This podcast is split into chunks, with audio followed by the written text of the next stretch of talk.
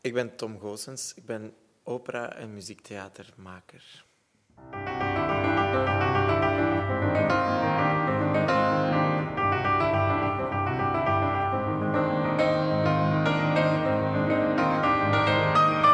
Podcast Freelancer. Wegwijs in de avontuurlijke wereld der freelance muzici. Gehost door Frauke Elsen en Florissant Bataille. Dames en heren, beste luisteraars en beste kijkers, van harte welkom bij podcast Freelancer. In deze aflevering gaan Frauke Elsen en ikzelf eh, Tom Goossens het vuur aan de schenen leggen. Tom Goossens, eh, muziektheatermaker en eh, ook opera-regisseur. Toch een heel bijzonder ambt als je het mij vraagt. Hoe kom je erop om als regisseur en theatermaker aan de slag te gaan? Goh, dat is iets van lang, denk ik. Al als kind wa- was ik altijd geïnteresseerd in wat er achter de schermen van zowat alles zich bevond. Vooral alle creatieve sectoren, zo striptekenaars, hoe wordt dat getekend? Waar wordt dat tekeningetje nog eens gebruikt? Televisie, de studio's. Ik vond het veel fascinerender dat het een studio was dan wanneer het echt zou geweest zijn. Dus al het, alle making-of van het, van het artificiële eigenlijk, of van de, van de kunst, heeft mij altijd geïnteresseerd. En dan is opera, omwille van de muziek en eh, omwille van de verhalen, mij ook beginnen intrigeren. En dan ja, is dat de perfecte combinatie geweest eigenlijk voor mijn interesse in maken aan zich en mijn interesse in opera. Ehm, en ja, dat kan ik nu combineren in, in wat ik doe. Oké, fantastisch. En als je dan ehm 16 jaar was, dan wist je van... Ik ga opera-regisseur worden? Of... Ik denk dat ik toen nog filmregisseur wou worden, maar dat het, mij, dat het technische aspect mij niet interesseerde. Dus ik ben niet zo geïnteresseerd in machines, in alles wat met elektriciteit en techniek en zo te maken heeft. Eh, ook projectie of, eh, niet-akoestisch geluid. Eh, dus dat besefte ik dan. Dus film maken, dat werd niet logisch. En ja, op een of andere manier is dat op mijn 18 of zo met te binnengevallen. Ah, dat is wel een logische keuze, opera, regie. En dan probeer je dat te gaan studeren? Wel, ik ben eh, auditie gaan doen in eh, enkele toneelscholen, waaronder het KASK. En eh, daar heb ik gewoon van begin af aan gezegd dat ik operaregisseur wou worden. Ik denk dat dat ook de doorslag gaf om mij toe te laten, want als acteur was ik niet zo eh, overtuigend, denk ik. Maar het feit dat KASK veel mensen uit allerlei hoeken wilt ehm, opleiden en, en wilt dat de, dat de studenten die naar buiten gaan eh, ja, echt zo eh, heel gevarieerd zijn in hun interesses, zal hen denk ik gewoon over de streep hebben gehaald. Maar dus de opleiding is, was wel dezelfde als moest je acteur willen worden. Ja, ja, zeker. Ja. Eh, Ik heb ook twee jaar echt eh, mee intensief op de vloer ehm, gestaan. En uit mijn klas zijn er nu... Er is nog iemand filosofie gaan studeren, iemand is schrijfster, iemand is schrijver, eh, spelers, enkele goede spelers, performers, ehm, film in de film. Dus inderdaad, het is wel gelukt. Het, heel onze klas is echt allemaal totaal andere kanten opgegaan. Ja, heel mooi. Maar dus de, het vak ehm, regie of opera-regie is iets waar je dan eigenlijk vooral jezelf hebt aangeleerd of wat proefondervindelijk is eh, gegroeid, zeg maar. Ja, maar regie is volgens mij intuïtie en smaak en omgang met mensen. En ehm, er zijn wel scholen die dat vak onderrichten, maar ik kan mij daar eigenlijk niks bij voorstellen. Eh, Waarmee ik niet zeg dat ik daar niet in geloof. Maar ik heb het vak regie nooit onderricht gekregen. En eh, het is voor mij iets dat vanuit mijn intuïtie vertrekt. Oké, mooi. En waren, waren er nog jonge mensen die dezelfde zoektocht als jij hebt ondernomen? Of was je daar echt uniek in eigenlijk? Eh, binnen mijn opleiding zijn er wel nog wel mensen die nu regisseren en die dat ook op die manier doen. Nee, maar nog geen opera, denk ik. Eh, maar eh, Louis Janssens is met muziektheater bezig. Die heeft dezelfde opleiding als ik eh, gedaan. En Benjamin Abel Meirage komt uit Maastricht. eh, die is ook met muziektheater bezig. Nu, ik denk dat Lissaboa ook wel eh, in de opera-sfeer, eh, eh, Lissaboa Houbrechts, daar snel in zal terechtkomen. Ehm, vanwege haar fascinatie voor het narratieve en het grootse.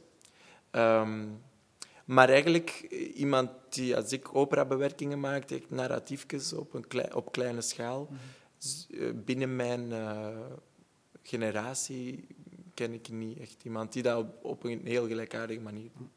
En dan ben je afgestudeerd met eh, Mozart. Dan is eigenlijk de bal heel snel aan het rollen gegaan hè, Ja. voor jou. Ehm, heel snel kwam je al terecht in, bij Opera Ballet Vlaanderen.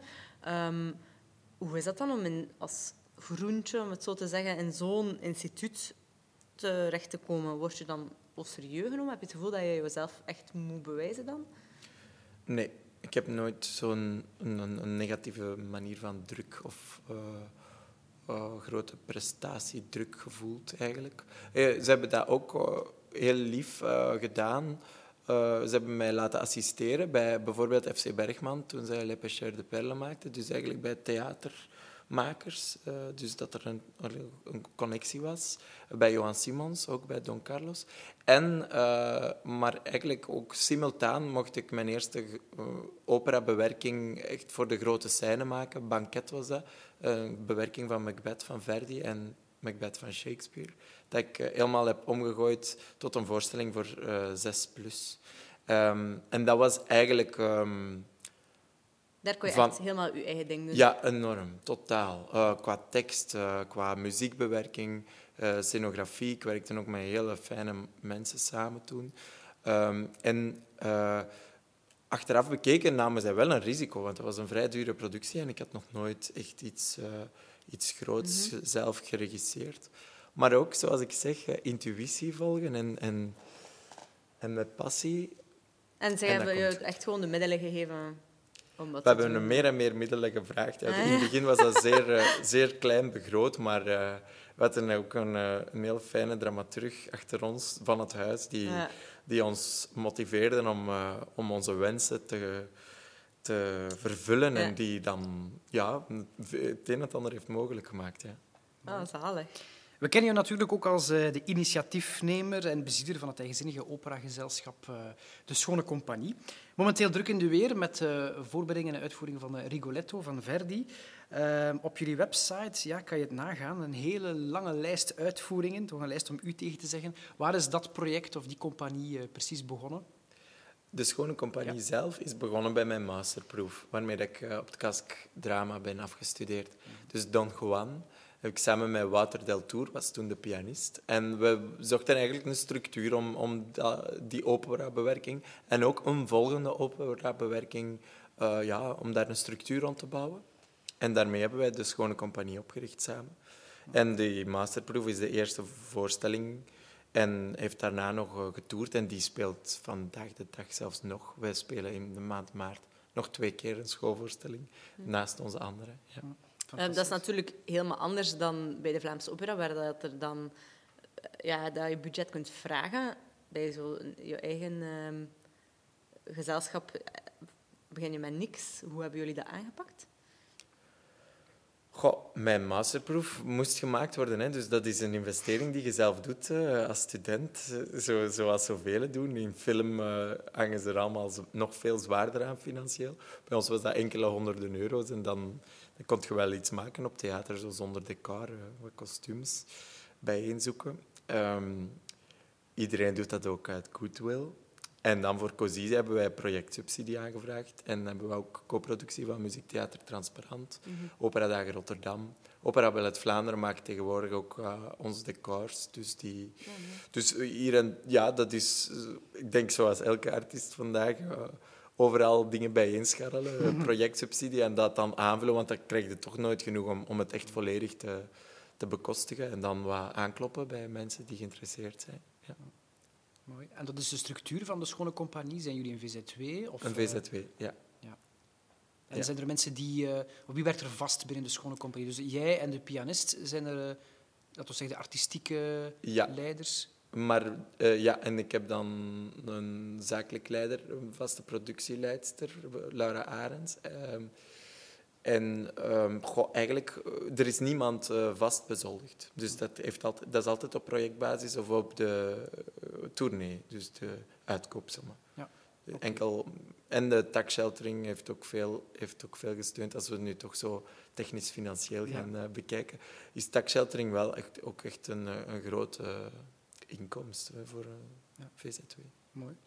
Als we even inzoomen op de thema's eh, en de opera's die, eh, die jij bewerkt voor de Schone Compagnie, dan komen we snel terecht bij de Da Ponte-trilogie, Ja. het befaamde drieluik. Ehm, binnen het klassieke uiveren of binnen de operawereld kan je dat beschouwen als een, een heilig huisje. Hè? Dat is toch een heilig huisje waar je toch, toch zeggen, mooi de snoeischaar eh, in hebt gezet. Is dat iets waar je soms kritiek op krijgt, op de eigenzinnige bewerkingen die je maakt? Ehm, eigenzinnig, ja, in, in, op een manier is het wellicht eigenzinnig. Maar, en ja, we krijgen daar commentaar op. Ja, dat Mozart zich omdraait in zijn graf en zo, dat hebben we al gehoord. en eh, en eh, ehm, muzikanten die vinden dat je dat niet mag doen. We worden ook op sommige plekken niet geprogrammeerd, omdat... eh, Meestal vanuit een misvatting, vind ik, dat wij vanuit de klassieke muziek moeten geprogrammeerd worden. Ik vind dat wij vanuit theater moeten geprogrammeerd worden. Wij maken theater waarin dat wij onze taal baseren op de klassieke muziek of op de opera die er aan vooraf gaat. Maar wij hebben niet... eh, en wij hebben professionele klassieke zangers. En wat zij zingen moet aan de professionele standaarden voldoen. Eh, of het moet op zijn minst interessant zijn. En eh, muziek moet, moet vaak mooi zijn. Je moet ervan kunnen genieten. Het moet virtuoos worden uitgevoerd. Maar eh, onze spelers moeten zich vooral heel vrij voelen met dat operamateriaal en moeten eh, tonen hoe, hoe, hoeveel mogelijkheid tot spelen dat dat schept, operamateriaal. En daarom is het eh, theater, Ja. vind ik, maar mu- muzikaal. Muzikaal theater. Ja. Ja. Ja. Ik snap sowieso de opdeling eigenlijk allemaal niet zo goed. Muziektheater, ook sommige mensen, sommige cc's krijgen geen volk in hun zaal omdat ze er de stempel muziektheater op plakken. En dan vragen ze, ja, wat kunnen we doen? Dan moet je filmpjes maken en zo van die dingen. Hè, maak een minuut met dan die acteur en zo. Maar ik denk dat je je publiek niet moet afschrikken met stempels. Eh, het is allemaal een verhaal vertellen. En als mensen een verhaal willen horen, kunnen ze komen. En met welke muziek het dan gemaakt is, dan moet je ze dan op het moment laten ontdekken, denk ik. Ja. Maar je- je- het is niet zo dat de, als de klassieke muziekfanaat afstapt op, laten we zeggen, eh Cozy, dan zal hij zich niet bekocht voelen. Eh, dat, die zou zich kunnen bekocht voelen, Ja, jawel. maar dan Want als je- hij verwacht eh, drie uur de Mozart te horen met een tenor, bijvoorbeeld, hè, eh, de zeer sympathieke recensente Erna Mettepenningen, denkt dat ik iets tegen tenor, tenoren heb, omdat ik die nu toevallig in al mijn bewerkingen heb weggelaten. Eh, alhoewel, nee, in Rigoletto hebben we wel echt een tenor, maar dat heeft ze nog niet gezien. Nu, maar op zich waren die rollen toevallig niet interessant voor de groep spelers die we hadden geëngageerd. En vond ik dat een acteur beter die rol zou spelen, dus dan is dat geen tenor. En dan zingt hij ook niet die aria's. Dat laat ik ze dan ook niet doen. Dus dan laat ik ze spreken tegen de collega-zangers die op scène staan. En eh, zijn zij een volwaardig personage, maar dan gewoon niet met de lyrische tenorstem. Wat enorm opvalt, je sprak over de, de virtuositeit die in je muziek zit. Ehm, als je virtuoos wil gebruiken, eh, in die termen, kan dat eigenlijk ook wel geplakt worden op de virtuositeit van de acteurs. Want de manier waarop de tekst eh, wordt gereciteerd, in vaak heel prozaïsche stijl, is wel zeer indrukwekkend. En in die zin is het, het theaterwerk toch absoluut wel virtuoos net. Ja, dat vind ik ook. Daarom vind ik dat de opdeling vaak niet klopt. Er zijn heel veel toneelstukken waar dat de acteur een virtuoze tekstzegging heeft. In feite, voor mij eh, neigt dat dus al naar muziek. Dat is wanneer, dat vorm, wanneer dat er veel aandacht is naar de vorm waarin dat tekst wordt gebracht. Eh, en muziek is eigenlijk ook zo. Opera is een doorgedreven aandacht voor de vorm waarin dat tekst wordt gebracht. Namelijk, het staat op noten en, en in ritmes en met, met een, en dan met een maatcijfer en zo. Maar ehm, ja, dus dat, in feite theater of muziektheater of opera, dat is, ehm, ja, de focus ligt heel vaak bij de vorm waarin dat, eh, het verhaal wordt gebracht. Maar begrijp ik het dan goed dat voor jouw bewerkingen, dat dus het, li- het libretto in feite toch wel doorslaggevender is dan het muzikale materiaal? Dat het feit dat het een Mozart-verhaal is, dat dat dan toevallig Mozart is, maar dat het verhaal aan zich eigenlijk hetgeen is waar je mee aan de slag gaat. Ah, wel, toch niet, denk ik dan. Omdat ik het, het, meest intrigerende, het meest intrigerende vind ik... Hoe kan eh, die operavorm of, of die muziek van Mozart, hoe kan die het spreken inspireren? Dus dan gaat het toch nog altijd over vorm. Dan gaat het zelf, toch nog eerder over de vorm van spreken dan over wat er eigenlijk gezegd wordt. Dat vind ik toch nog altijd interessanter. Dat lijkt mij projecten die uh, toch niet uh, over één nacht ijs gaan. Hoe lang duurt het ongeveer om zo'n voorstelling van A naar B te krijgen? Uh, hoe lang werk je aan een project? Dat is bijna niet uit te drukken, omdat ze allemaal op een totaal andere manier zijn gemaakt. Don Juan had ik twee scènes op ensembles van Mozart gemaakt. Dat was de eerste keer dat ik dacht, ah, misschien moet, moet één zangeres zingen en moeten de andere acteurs daaronder spreken. En uh, dat zal op een paar nachten of zo, drie, vier nachten, we zullen daarover gegaan zijn. En dan zijn we de andere scènes allemaal op andere manieren gaan bijeensprokkelen. Ik heb ook hulp gekregen van de acteurs die erin stonden, Carine van Bruggen en Mitch van Landegem, hebben ook veel meegecreëerd aan Don Juan elke scène op een andere manier, waardoor je zo'n puzzeltje kreeg. Ja, ik heb daar, in totaal uh, zal daar een jaar over gegaan zijn, maar ja, je doet nog van alle, allerlei andere dingen. Così is, denk ik, heb ik een maand aan gewerkt en dan nog tijdens de repetities de andere helft beginnen schrijven. Maar Lenozze bijvoorbeeld, was ik, dat, eh, ik had dan ook banket al gemaakt. Uh, ik was zo in de, in de um, drive van teksten maken op muziek, dat Lenotze denk ik op drie weken gewoon uh, geschreven is, van begin tot einde. Uh, maar nu ben ik dan al drie jaar uit in Drive en ben ik de barbier aan het schrijven. En dat gaat dan ineens uh, gigantisch traag. Dus dat is... maar het wordt dan misschien ook iets helemaal anders? dat weet ik niet. Drie jaar meer ervaring, drie jaar meer Tom Goossens. Goh, ja, maar het is wel een teruggrijpen. Het is, ik heb in die drie jaar andere dingen gedaan. Ik heb met Compagnie Marius uh, samen Rigoletto gecreëerd. Samen creëren is sowieso anders dan alleen. Nu ga ik terug hè, een beetje meer zelfstandig naar de barbier. Um, ik heb ook al eh, echt uh, integrale opera-regie gemaakt, concerten geregisseerd. dus nu ga ik eigenlijk, grijp ik zo wat terug naar de Don Juan-stijl, denk ik. het, het elke scène op een andere manier uh, vormgeven en, en, baseren op de opera. En ja, ik weet het niet wat dat gaat worden. Ja. Hoe ga je op zoek naar de geschikte medewerkers per opera? Want laten we zeggen, het orkest is altijd gereduceerd tot een klavierpartij. En dan, ja, de acteurs en zangers verschillen een beetje van project tot project. Organiseer je audities of is dat, uh, ja, ga je op prospectie? Hoe vind je de geschikte medewerkers? Uh, voor Cozy, voor de zangers, hebben we auditie gedaan. De acteurs, ja, daar doe ik niet, niet zo snel audities voor, omdat ik veel mensen ken en veel naar voorstellingen ga. En mensen ook vragen om wie dat ze zijn. Dus vind ik een auditie soms wat vreemd. Bij zangers ja, moet je ook uh, kijken naar, naar, een, naar een objectieve kwaliteit. Of wil je ze ook echt beter leren kennen, omdat in een operaproductie niet altijd hoogte krijg van, van mensen of wie ze echt zijn. En dat wil ik op een auditie wel te weten komen. Dus voor Così en voor Lenozze, voor onze doubles, voor Rigoletto, voor de Barbier, hebben we audities gedaan. Ja, voor zangers. Ja. Oké. Binnenkort uh, dus uh, Rigoletto. Daar werken jullie samen met uh, acteur Stefan de Gans. Dat is toch wel een, een bekende kop. Dus de eerste keer binnen, de, binnen jouw voorstelling dat er zo een toch iets bekendere acteur meedoet.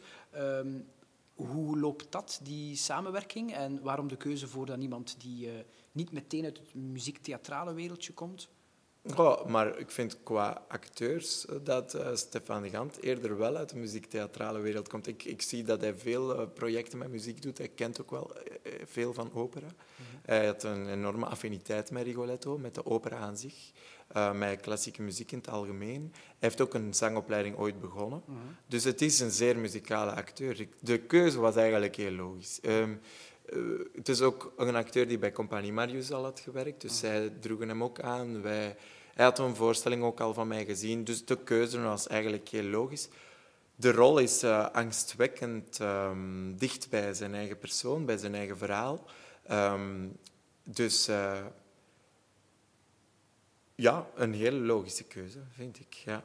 Um, maar we hebben nogal met muzikale acteurs gewerkt. Eh, Clara Kleimans, die zit in mhm. Così, die speelt daar Despina. Zij heeft heel wat musical-ervaring. Ik vind dat dat voor Despina bijvoorbeeld ook heel hard klopt, omdat dat iemand is die eh, echt het volk aanspreekt. Ehm, musical is een populairder genre, dus als zij daar naast zanger staat, eh, tussen zangers en acteurs eigenlijk, een, een zeer muzikale actrice, eh, dan klopt dat ook. Ehm, bij Stefan is dat een gelijkaardig verhaal. Ehm, maar antwoord ik daarmee op uw vraag? Eigenlijk wel. Ja. Dank u wel. Ja.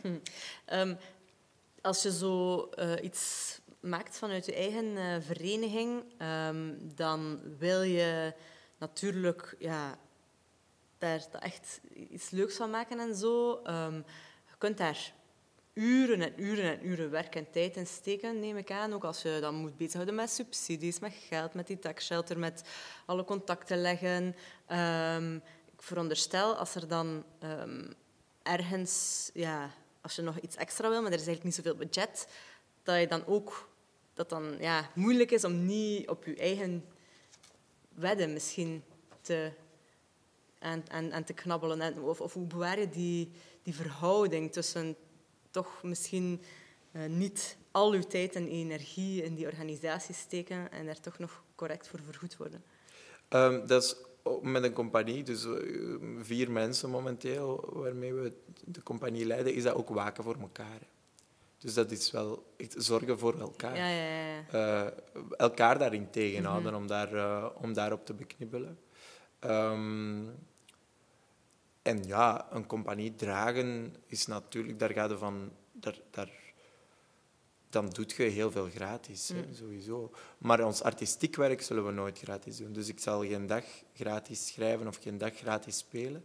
Maar het, al het omkaderende of zo, dat doet je wel met een bepaald verantwoordelijkheidsgevoel en een liefde. En dat is eh, vaak onbezoldigd, of vaak onbezoldigd, ja. Die producties zijn eh, geoliede machines natuurlijk. En in coronatijden met uh, quarantaines en soms wat uitval, eh, kan ik me voorstellen als een cruciaal eh, lid van ehm, de productie uitvalt, dat de voorstelling niet kan plaatsvinden? Of zie je dat verkeerd? Werken jullie met doublures? Staat altijd een vervanging klaar mocht iemand uitvallen? Eh, wij proberen dat voor onze zangers te doen. Eh, omdat dat, ja, dat is misschien soms wat fragieler eh, als ze echt een verkoudheid hebben. En dan kunnen ze... Allee, de- soms, als ze dat niveau van zang niet kunnen... Een speler kan, kan dat tonen aan een publiek. Van, oh, ik heb een verkoudheid en oh, ik heb bijna geen stem. Dus het is vandaag zo. Maar ik snap bij, bij zangers dat die, dat die trots over de kwaliteit dat die er is. En dus bijna al onze zangers hebben een dubbel. Ja, eigenlijk bijna allemaal nu. En eh, dat kan gebeuren. Eh, en eh, ik val graag in voor de jongens in de, in de compagnie. Eh, heb ik al een paar keer mogen doen. Ehm, en, ehm, en ja, bijvoorbeeld als Carine van Brugge, die zit in Don Juan en Cosi, als die nu ziek valt, of als, dan kan denk ik de voorstelling niet doorgaan. Tenzij ik haar vervang, want we moeten misschien niet meer zo binair denken. Maar ehm, En nee. kriebelt dat dan toch niet zo? Om toch nog eh, echt acteur, voor een acteur... eh, Jawel, carrière te zeker wel. Eigenlijk enkel bij mijn eigen werk heb ik altijd veel zin om mee te ja. spelen. Ik heb nog nooit... eh, eh, bij ander werk niet. Maar, eh, maar, eh, maar ik, in Rigoletto speel ik zelf mee. eh, Ook omdat ik het echt eens wil ervaren. En nu kan ik niet wachten op de tour, die begint volgende week. Dus ja, dat kriebelt wel. Ja. En ik ben ook altijd blij als ik eh, vervanging mag doen. Ja. Allee, ja, een beetje eh, mixed feelings, maar... ook, ook wel nerveus. eh, nee, niet zo nerveus. Nee. Dat niet, nee. Misschien een mooi moment om enkele dilemma's eh, Ah, ja, op Tom ja. los te laten. Ehm, Mozart of Puccini?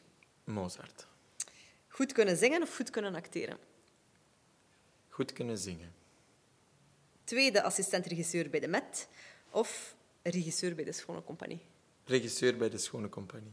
En dan ehm, op reis eh, cultuur of natuur?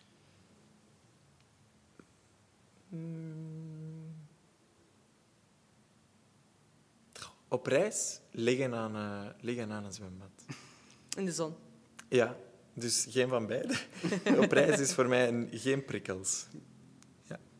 Ehm, dus de grote operahuizen, zijn dat toch nog plaatsen waar dat je graag in de toekomst wil gaan ontdekken? Of eh, toch maar liever echt gewoon hier in België blijven en je eigen ding kunnen doen?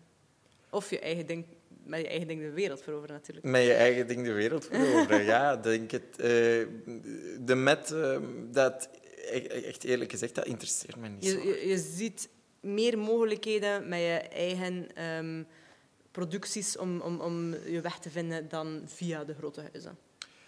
Maar ik, wil, ik wil vooral een... eh, ik wil opera dicht bij de mensen brengen. Hè. En dus de ook bij, is natuurlijk wel een, instituut... ehm, Inderdaad. Dus ik wil dat misschien wel op in een grote zaal kunnen. Ik zal dat ook bij Opera Ballet Vlaanderen nu proberen. Maar daar voel ik ook nog de ruimte en de sympathie. En, eh, en, en in Frankrijk denk ik ook, eh, zijn er operahuizen die, daar die daarvoor openstaan. Ehm maar ik heb geen zin om in een echte eh, koude machine terecht Ja. te komen om, om, om zoveel mogelijk massaproductie te doen, met zoveel mogelijk vervangbaarheid. En, en oh, ik zou niet weten waarom. Ik vraag me af wat ik daar dan mee vertel. Ja, geen idee.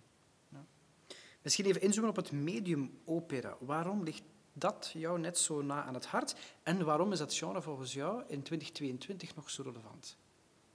Hmm.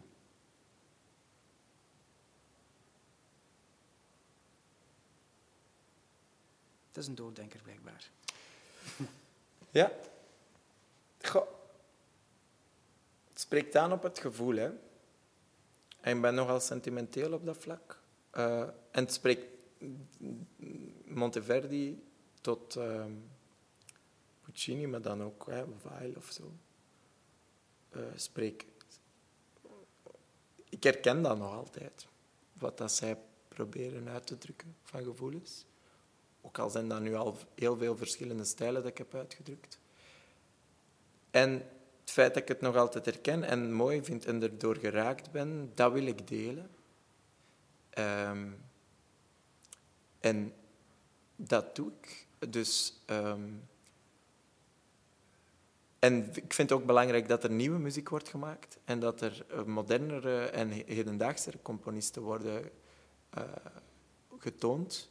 Maar ik voel zelf persoonlijk die nood niet. Dus ik doe het dan liever met, ehm, met oudere muziek. Ehm, en waarom is het relevant ook voor anderen? Want ik zeg nu enkel voor mezelf. Ehm, ja, ik zie toch dat andere mensen er ook door geraakt worden. En het zou zonde zijn om het verloren te laten gaan. Die, die, dat voel ik heel hard. Ja.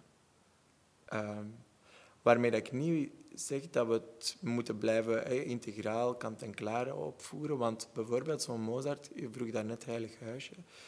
Mozart had ook wel een bepaalde bedoeling met zijn werk naar een publiek toe. Eh, maar er was toen gewoon een heel andere context. Dus eh, toen was dat de muziek van toen. Dat was toen hedendaags. Vandaag niet meer. Dus het lijkt me niet onlogisch dat je vandaag bepaalde ingrepen doet om eh, die, wat, dat er toen, wa- pro- wat hij toen probeerde te communiceren, of het gevoel dat hij toen probeerde op te wekken, dat je vandaag ingrepen moet doen om een gelijkaardig gevoel of een gelijkaardige vertelling te doen. Lijkt mij nogal vrij logisch. Zoals ik zei, Despina dicht bij het publiek, ja. Maar als ze in het Italiaans zingt, dan denken heel veel mensen, oeh, dat is niks voor mij, dat is zo highbrow, dat is Latijn. Ehm, ja, nee, laat ze dan in Nederlands zingen, want ik denk dat dat nog het meest past bij de rol van Despina. Voilà. Je zei daarnet ehm dat, eh, dat je acteren toch ook wel heel leuk en spannend vindt. Ehm, zou je in een parallel leven ook muzikant of zanger kunnen zijn?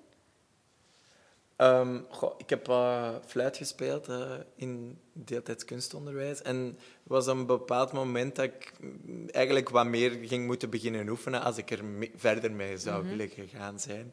En dat een beetje een keuze werd voor mij van, ga ik toneel... Ga ik voor toneel gaan of ga ik voor fluit? En ik ben toch heel blij dat ik voor toneel ben gegaan. Ik zie het bij muzikanten, bij klassieke muzikanten, de concurrentiestrijd die ik zelf eigenlijk niet voel eh, binnen muziektheaterregie. Ehm, ehm, ja, omdat je je werk heel specifiek kunt maken. Hè. En veel muzikanten zie ik ook wel dat, dat wel doen, maar van als je echt eh, een positie wilt in een orkest of zo, dan wordt het zo'n harde wereld. Ehm, oh, daar Ja, heb ik geen zin in. Oh ja, zeker. Dus ik heb geen zin in die harde wereld. En kom je ook uit een, eh, een thuis waarvoor dat jouw studiekeuze dan wel vanzelfsprekend was? Of dachten je ouders van, Oei, oei, oei, oei, waar begin jij aan?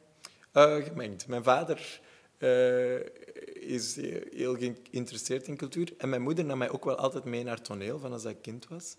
Uh, misschien zou ze dat nu achteraf bekeken niet meer gedaan hebben. Want zij was wel degene die het uh, toch wel heel spannend vond dat ik toneelschool ging doen. Uh, door is het, de professionele onzekerheid dat het met zich meebrengt en zo. Ik snap dat wel. Ik kan me wel inbeelden als ik een kind zou hebben, dat ik echt wel zou willen dat die... Maar aan de andere kant wil je ook dat hij gepassioneerd is door iets en dat hij zijn leven heel, heel kwalitatief invult. En um, dat, dat is wat mijn vader enorm stimuleerde. Um, en mijn moeder, ja, die was misschien iets veiliger. Um, maar uh, in mijn vader zijn kant van de familie zijn, wel wat professionele muzikanten ook. Dus um, het was me wel bekend of zo. Het stond niet mijlenver van ons af. ja, een neutrale, een neutrale thuis om, om dit mee te gaan doen. Maar als ik zo hoor, ook naar jouw eh, studiegenoten, waar je zegt van ja, de ene is schrijver, de andere dit. Het moet toch wel zijn dat jouw lichting toch eigenlijk wel goed doet. Dat dus de, de opleiding uh, toch eigenlijk ook wel niet noodzakelijk naar de. Allez, uh, niet noodzakelijk mensen moeten zijn die dan achteraf niet weten wat ermee te gaan doen. Uh, jullie zijn toch wel allemaal precies heel self-made en op andere vlakken. Ja, dat is maar... misschien wel anders dan vroeger. Ik weet het ja. niet. Ik heb het gevoel, ja, ik heb het gevoel dat het kask echt enorm nu spreek ik enkel over het KASK. Ja, uh, dat is echt een, een geweldige school. Ik voel, alle mensen die er uitkomen zijn echt actief bezig, heb ik het gevoel. Allee. En um, allemaal ja, heel verschillend en boeiend. Uh, ik ga heel graag kijken naar, uh, naar projecten die uit het kast komen, omdat je altijd verrast bent. En omdat iedereen daar gemotiveerd wordt om een enorme eh, band met zijn eigenheid te blijven onderzoeken en bewaren. Um, het is geen school die, die u dwingt in een dogma, hoewel dat ik wel moeite heb gehad. Hoor. Want ik was zo geïnteresseerd in het narratief. Ik had een vrij klassieke smaak. Daar werd, botste ik wel veel tegen. Dan heb ik ook een half jaar de school um, mij met rust laten laten uh, om Don Juan te creëren. Waardoor ik helemaal mijn eigen ding kon doen. En dat werd dan weer geapprecieerd. Maar som, de ene persoon heeft iets anders nodig om naar zijn eigen ding te komen dan een ander. Um, bij mij was dat, laat mij maar met rust. Mm -hmm. Dat werkte toch beter dan te proberen beantwoorden aan wat ik dacht dat de school vond dat mijn eigen ja. ding was. Ja. Zo werkt het ook niet, natuurlijk. Je sprak over het KASK. Uh, ondertussen heb je ook zelf een, uh, een, opdracht bij het KASK. Want we hebben al veel over uh, de Schone Compagnie gesproken. Maar vertel even wat jouw dagtaak nogal inhoudt, professioneel. ja, ik geef les een vak muziektheatrale vorming op het KASK aan de klassieke zangopleiding. Dus eigenlijk de mensen die operazanger willen worden, onder andere, die krijgen twee uur in de week toneel of drama of hoe wil je het noemen, muziektheatraal, muziektheatrale vorming. En komen die dan met een arias bij jou? Uh, dat, deed ik vorig, uh, dat deed ik vroeger. Ik doe elk jaar iets anders. En nu ben ik met Summer Night's Dream door hen aan het laten bewerken. Dus bepaalde scènes tussen Demetrius, Lysander, Hermia en Helena uh, zetten ze die tekst op bekende opera-scènes. En dan gaan we straks eens onderzoeken naar wat is het verschil als je het gewoon de tekst van Shakespeare speelt, of wanneer je de muzikaliteit inbrengt. Daar, daar, daar doe ik eigenlijk onderzoek naar, naar uh, waar brengt je muzikaliteit in tekst en waar brengt je de het textuele belang in, mm -hmm. in mhm. muziek. Ja, ja interessant. Jij vertelde ook dat je bezig bent met een doctoraat vond ik ook wel heel interessant. In dat onderwerp, ja. Lucas School of Arts is dat. Ja, um, ben je begonnen met dat doctoraat um, omdat je dacht van um, zo'n doctoraat, dat, dat opent weer deuren voor mij? Of eerder omdat je echt uh, het, het, onderzoek aan zich belangrijk vond? Of omdat je een, uh, een financiële zekerheid wilde? Of? ja, het was net in de coronatijd en het was een vacature, het was muziektheater. Het was eigenlijk volledig op mijn lijf geschreven. In die zin, ze zochten iemand jong die er actief mee bezig was op die moment. En ik vond het ook wel tijd om mijn werk wat te gaan verdiepen. Ehm, om wat meer na te denken over wat doe ik nu eigenlijk. Want ik was sinds dat ik van de schoolbanken kwam, eigenlijk meteen van het een project in het ander ge- Ja. ge- gerold. Om even stil te staan. Maar die corona die heeft, heeft, ja, heeft dat ook wel moeilijker gemaakt, want daardoor zijn heel veel projecten opgeschoven en is mijn agenda zo ehm, een warboel geworden dat er voor eh, rust en verstilling dan weer net heel weinig tijd is. Dus ehm, het, is, eh, het is zo onvoorspelbaar, de, de agenda's ehm, vandaag de dag. eh, dat je ook als artiest elk project eh, aanneemt en zorgt dat het in orde komt en zorgt dat je het überhaupt kunt spelen. Dus het, is, ehm, Toch moeilijk te combineren. het is moeilijk te combineren, ja. ja. Ik dacht dat het stabieler te combineren ging zijn, maar er is gewoon geen structuur meer vandaag. Wat natuurlijk ook wel een, zal meespelen, is het feit dat de, de producties die je met de Schone Compagnie inricht, dat zijn natuurlijk echt ja, jouw geesteskinderen. En als je zegt van ja, je moet zien dat het in orde komt, in dat geval is het natuurlijk ook, laten we zeggen, jezelf waar je mee verbindt natuurlijk met dat project. Dus dat kan waarschijnlijk voor een heel ander soort eh, stress of, of onzekerheid zorgen waarschijnlijk, omdat je het gevoel hebt van kijk, wat ik representeer moet toch wel echt staan als een huis. Ja, dat is waar.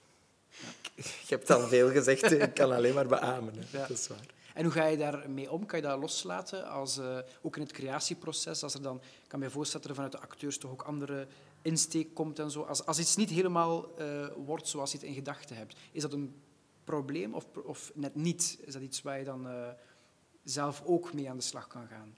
Ja, dat is inderdaad. ehm, eh, je wordt geïnspireerd door spelers. Hè. Je mag het best niet te hard allemaal in je hoofd hebben op voorhand.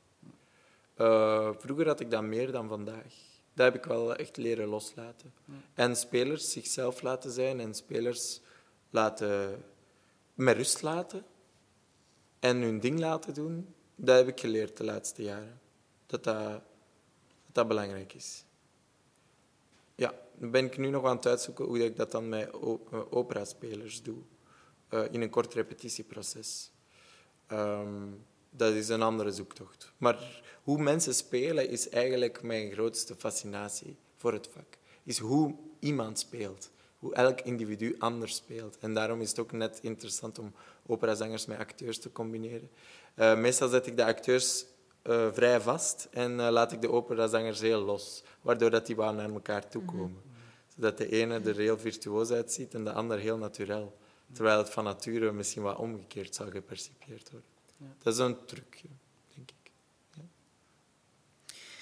Hoe breng je die voorstellingen aan de man? Zit er een heel managementteam achter? Is daar een, een boeker die dat voor jullie doet? Of stromende aanvragen binnen als zoete broodjes?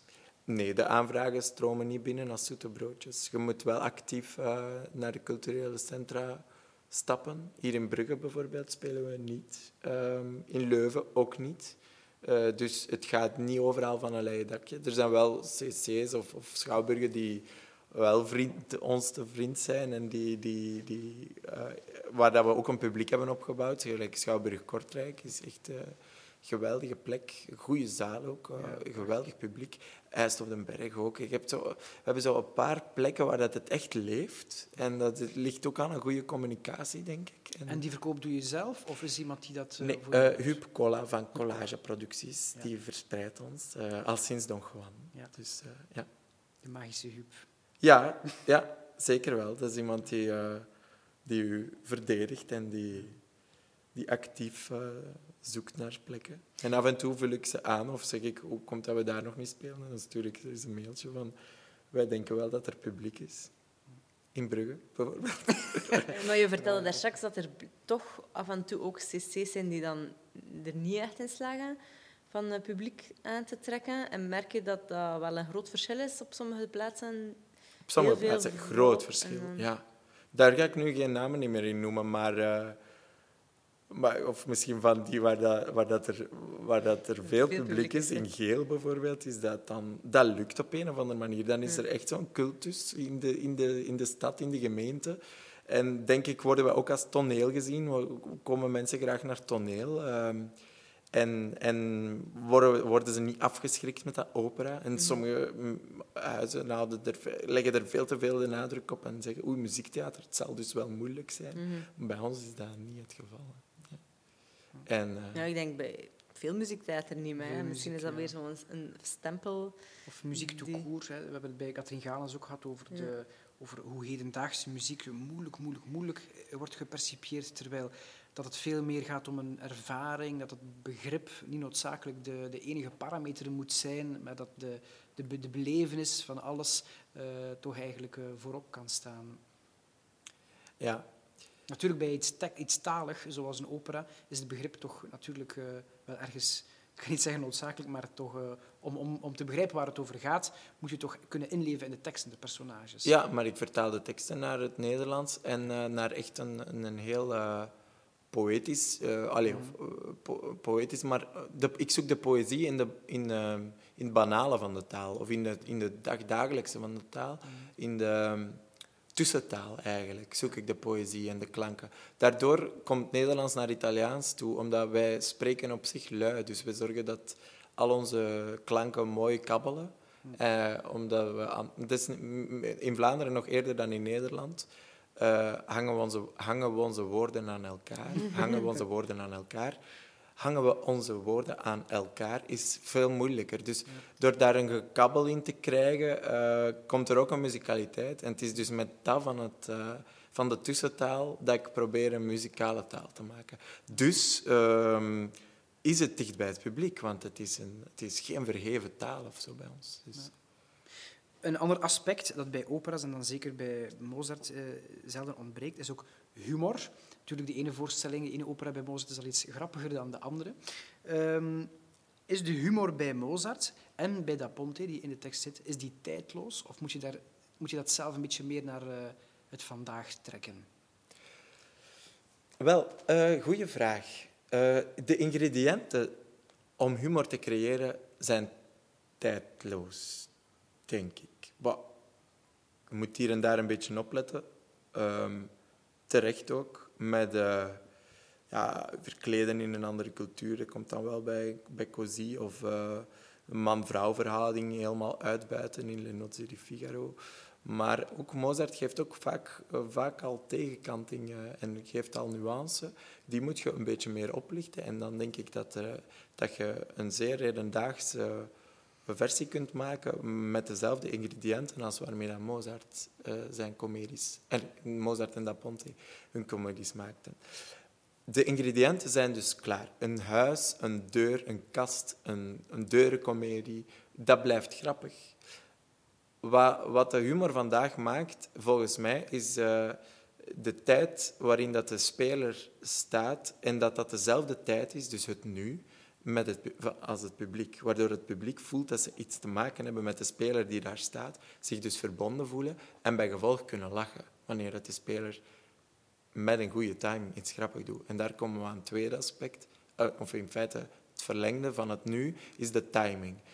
De timing moet, van humor moet eigenlijk op theater uh, moet goed voorbereid zijn, maar moet dan, hoe goed het ook voorbereid is, op het moment zelf nog ontstaan. Dus als uw pianist op dezelfde scène zit en een zeer actieve medespeler is, daarom niet per se geweldige acteur, maar wel een attente medespeler die de timing van de acteurs volgt, de timing van de zangers volgt, en er dus een groepsfeer wordt gecreëerd waarin dat er constant met mekaars timing wordt rekening gehouden, echt als in een echt gesprek. Een, uh, een gesprek met vrienden waar plots iemand iets grappigs zegt en heel de tafel bulder lacht, dat komt alleen door een echte connectie, mm. door een goede timing in het nu. En dat moet je ook op toneel proberen te, na te streven. En daarom werkt dat zo goed met een piano. Ja, dat ging ik net vragen. Dus met een orkest is dat veel moeilijker. Veel moeilijker. Veel moeilijker. Gegarandeerd. Gegarandeerd. Haalbaar of niet? Uh, ik, heb het, ik heb het geprobeerd. Hè. Maar... In december heb ik L'Air Espagnol in Opera Ballet Vlaanderen gemaakt. Een komedie die ingenieus is getimed door Ravel. Maar hangt wel vast aan zijn timing. Hangt vast aan 70 instrumentalisten in een bak. Geen contact met het publiek, enkel met een dirigent. We hadden gelukkig een heel goede dirigent die ook humor heel belangrijk vond en ook een slim oog had voor timing. Maar Die vertraging zit erin. Er zit een vertraging in, Ja. er zit een niet geconnecteerd... Er is een publiek dat, dat iets hoort waar dat ze eigenlijk niks mee te maken hebben, want die zitten daar in een bak. In het beste geval hebben ze al iets met de speler te maken, maar ze zitten soms ook op het vijfde balkon. Soms zijn de zichtlijnen verschrikkelijk. Dus is het een tijdloos genre voor humor? Ik weet het niet. Er moet wel wat gebeuren, vind ik. Eh, om, eh, en de- dat onderzoek ben ik wel aan het doen, maar er moet wat gebeuren om je publiek, ook in een schouwburg, in een grote opera-schouwburg, in dezelfde tijd als uw speler te krijgen. Ik heb ehm, een aantal jaar geleden, maar dat moet zeker acht, negen jaar geleden eh, zijn, een onvoorstelbare, grappige ehm, opera, een versie van Don Carlos gezien van Verdi in Opera Ballet, Ballet Vlaanderen. Ik lag echt over Van Don. Carlos. Ja. Eh, die van Johan Simons, nee. Eh, ik, goh, ik weet niet. Maar een onvoorstelbaar grappige. Ja, die- echt, met echt slapstick. En dat was dan halverwege, ehm, was het dan ook pauze, maar dat was geen echte pauze. En dan liep die voorstelling verder. In, dat was enkel maar in Antwerpen dat die speelde, want in Gent pas, raakte die niet binnen. Maar dat is niet de laatste versie van Don Carlos dat ze hebben gedaan, maar die daarvoor. Ah, oké. Geen, geen verstand. En dat was ik echt... Ik kwam niet meer bij. Het was gewoon slapstick. En dit is dus wel... Ja, die regisseur had echt gewoon fantastisch gedaan. Ik denk dat je wel met visuele humor veel kunt doen. Eh, alleen ben ik zelf niet zo visueel ingesteld, dus, dus ehm, haal ik het meer vanuit de connectie. Maar dat ben ik nog aan het zoeken. Maar ik denk wel dat je me... Ja, want op zich, comedies in film werken ook. Maar ehm, daar is dus een bepaalde objectieve timing en een objectieve visuele humor Ja, het is niet gemakkelijk. die wel werkt. Maar ja, ik ben aan het zoeken. In onze podcastreeks eh, belichten we natuurlijk een aantal eh, ja, bijzondere verhalen van eh, een aantal cultuurwerkers. Niet alleen voor de geïnteresseerden, maar zeker ook voor een iets jonger publiek. Mensen die een soort van handleiding willen bij hun misschien eigen creatieve praktijk. Wat zijn voor jou interessante mentoren geweest? Of mensen die jou op jouw 18 jaar hebben geïnspireerd en misschien wel gebracht tot waar je nu staat?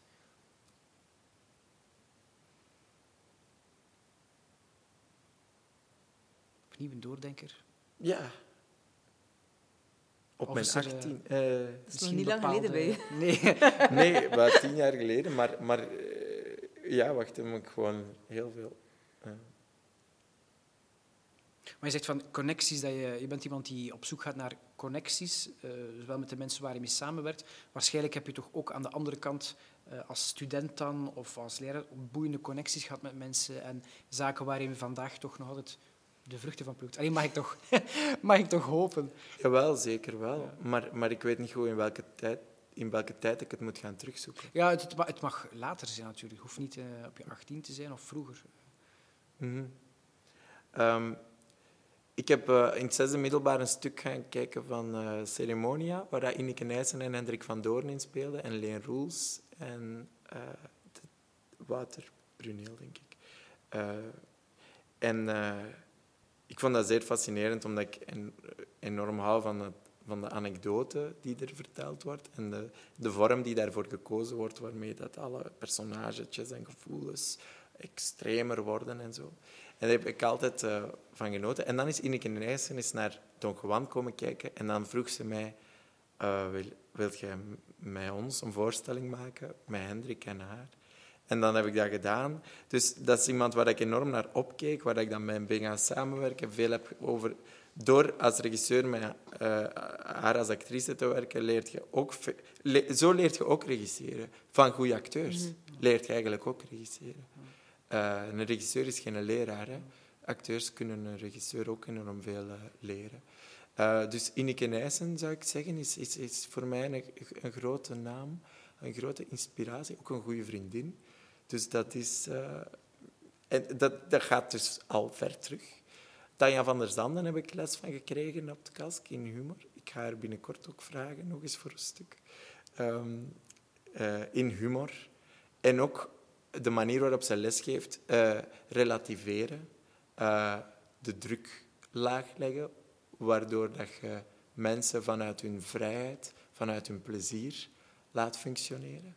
Dat vind ik een enorm eh, waardevolle les, ook om... eh, Wel ja, als je de druk la- laag legt en er wordt weinig gewerkt, dan, zit er iets, dan is er iets mis. Dan is er iets mis met de passie. Of met de gradatie in de passie.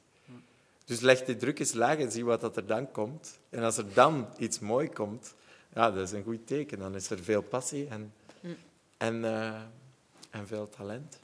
Dat is wel zeer, zeer mooi. Ik denk dat dat ook een hele mooie gouden raad is voor de luisteraars. hè. Dus vanuit die passie eh, ja, verder gaan en, en dromen najagen natuurlijk. Hè. Wat je daarnet zei, dat regisseren, dat je dat ook leert door samen te werken met goede acteurs. Ik denk dat we daar heel makkelijk de brug kunnen slaan met, eh met musiceren. Door samen te spelen met heel goede muzikanten, een, een fantastische dirigent. eh, daar, dat, dat lift jou ook ergens op als muzikant. Ik denk dat toekoor voor het artistieke werkveld dat je heel veel nog te leren hebt, al werkende. En op de schoolbanken eh, wordt er natuurlijk een, een, een, een handvol tools aangereikt, maar eh, aldoende leert men zal zeker op ons, eh, op ons slaan, denk ik. Hè. Ja. Mooi. Ja. Is er eh, nog een, ehm, een andere gouden raad die je aan jonge muziektheatermakers zou kunnen meegeven? Want natuurlijk, het, het werken vanuit het gevoel en de passie is één zaak, maar als je nu iemand die naar deze podcast luistert en denkt van, goh, dat wil ik eigenlijk ook wel, wat zou je zo iemand dan aanraden? Ehm, om te kijken waar je als publiek van houdt en daarmee te werken.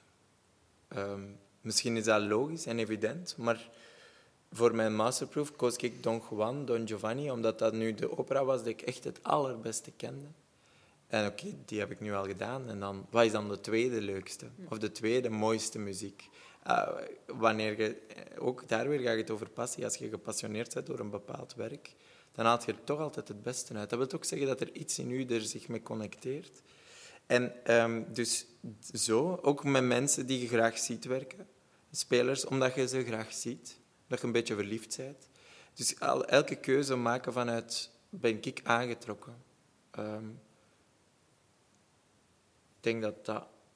Dat is nu een heel algemene raad, maar voor mij heeft dat het meest gewerkt. Ik heb al titels voorgesteld aan, aan directeurs van muziektheaters, die dan zeiden, maar nee, je moet dat, vandaag moet je toch die titel niet doen, want daar zit niemand op te wachten.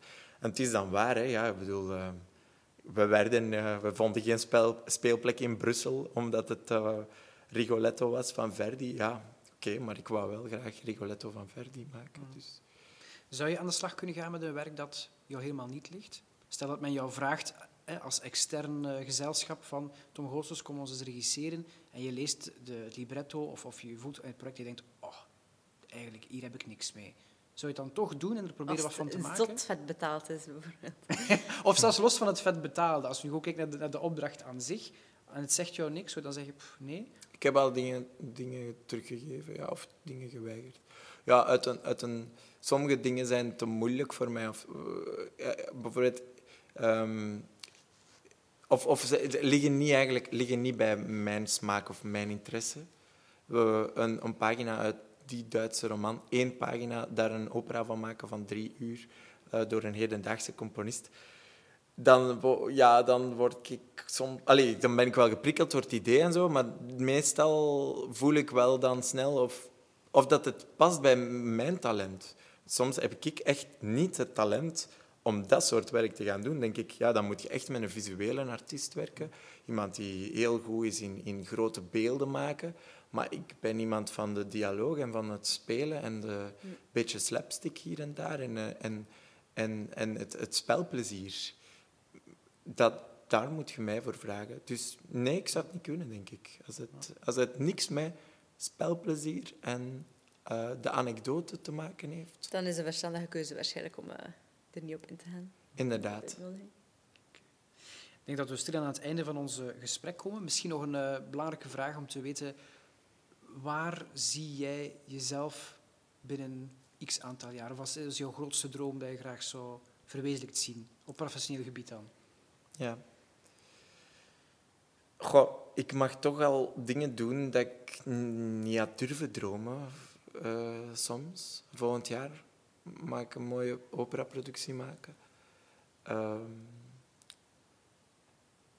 dus ik ben eigenlijk benieuwd wat dat mijn droom daarna zal zijn. Uh, ik hoop dat ik verder mag doen wat ik nu aan het doen ben, met evenveel plezier. Ehm, dat klinkt eigenlijk... ik vind dat een confronterende vraag, omdat ik eh, dat niet meer voel. Dus ik eh, denk, ik wil doen wat ik nu doe, want ik doe het al. Ja. Ik, ga, ik mik niet naar hoger. Is Misschien mooi, naar wat Dat is heel mooi en het is opvallend hoe vaak we dat soort antwoord Ja? eigenlijk krijgen. Ah, toch? Ja, Ah, absoluut. Roland Ja. Hendricks zei in feite hetzelfde. En ja, dat, dat, hoe moeilijk het soms ook is, want het is geen evidente job, dat heel veel mensen die job toch met een ontzettend grote passie doen. En dat niet met laag druk, maar zelfs met, met hoge druk. Dus dat het toch eigenlijk de, nog steeds de moeite waard is. Ja, het is zo... Ik zou, hoe dat ik het rond mezelf allemaal organiseer, dat zou dat zou daar, heb ik misschien nog, daar kan ik nog wel wat van leren of, of nog wat in evolueren en zo. En ook binnen mijn kunst, ook zeker en vast. Ehm, hoe dat je jezelf als artiest organiseert, dat, dat, dat denk ik, daar moet nog wel wat in gebeuren. Maar eh, die, na, reiken naar dat podium of naar dat soort werk, dat, dat, die, nee, dat... Het is een kunst hè, tevreden zijn met wat je hebt. En ik denk dat dat wel ergens belangrijk is. Of- Ja, Ja, absoluut. Zeer mooi. Je wel, Tom Gozes, voor Dank het eh, jullie. boeiende en openhartig gesprek. dank. En eh, beste luisteraars, eh, we horen en zien elkaar heel snel terug. Dit was Podcast Freelancer.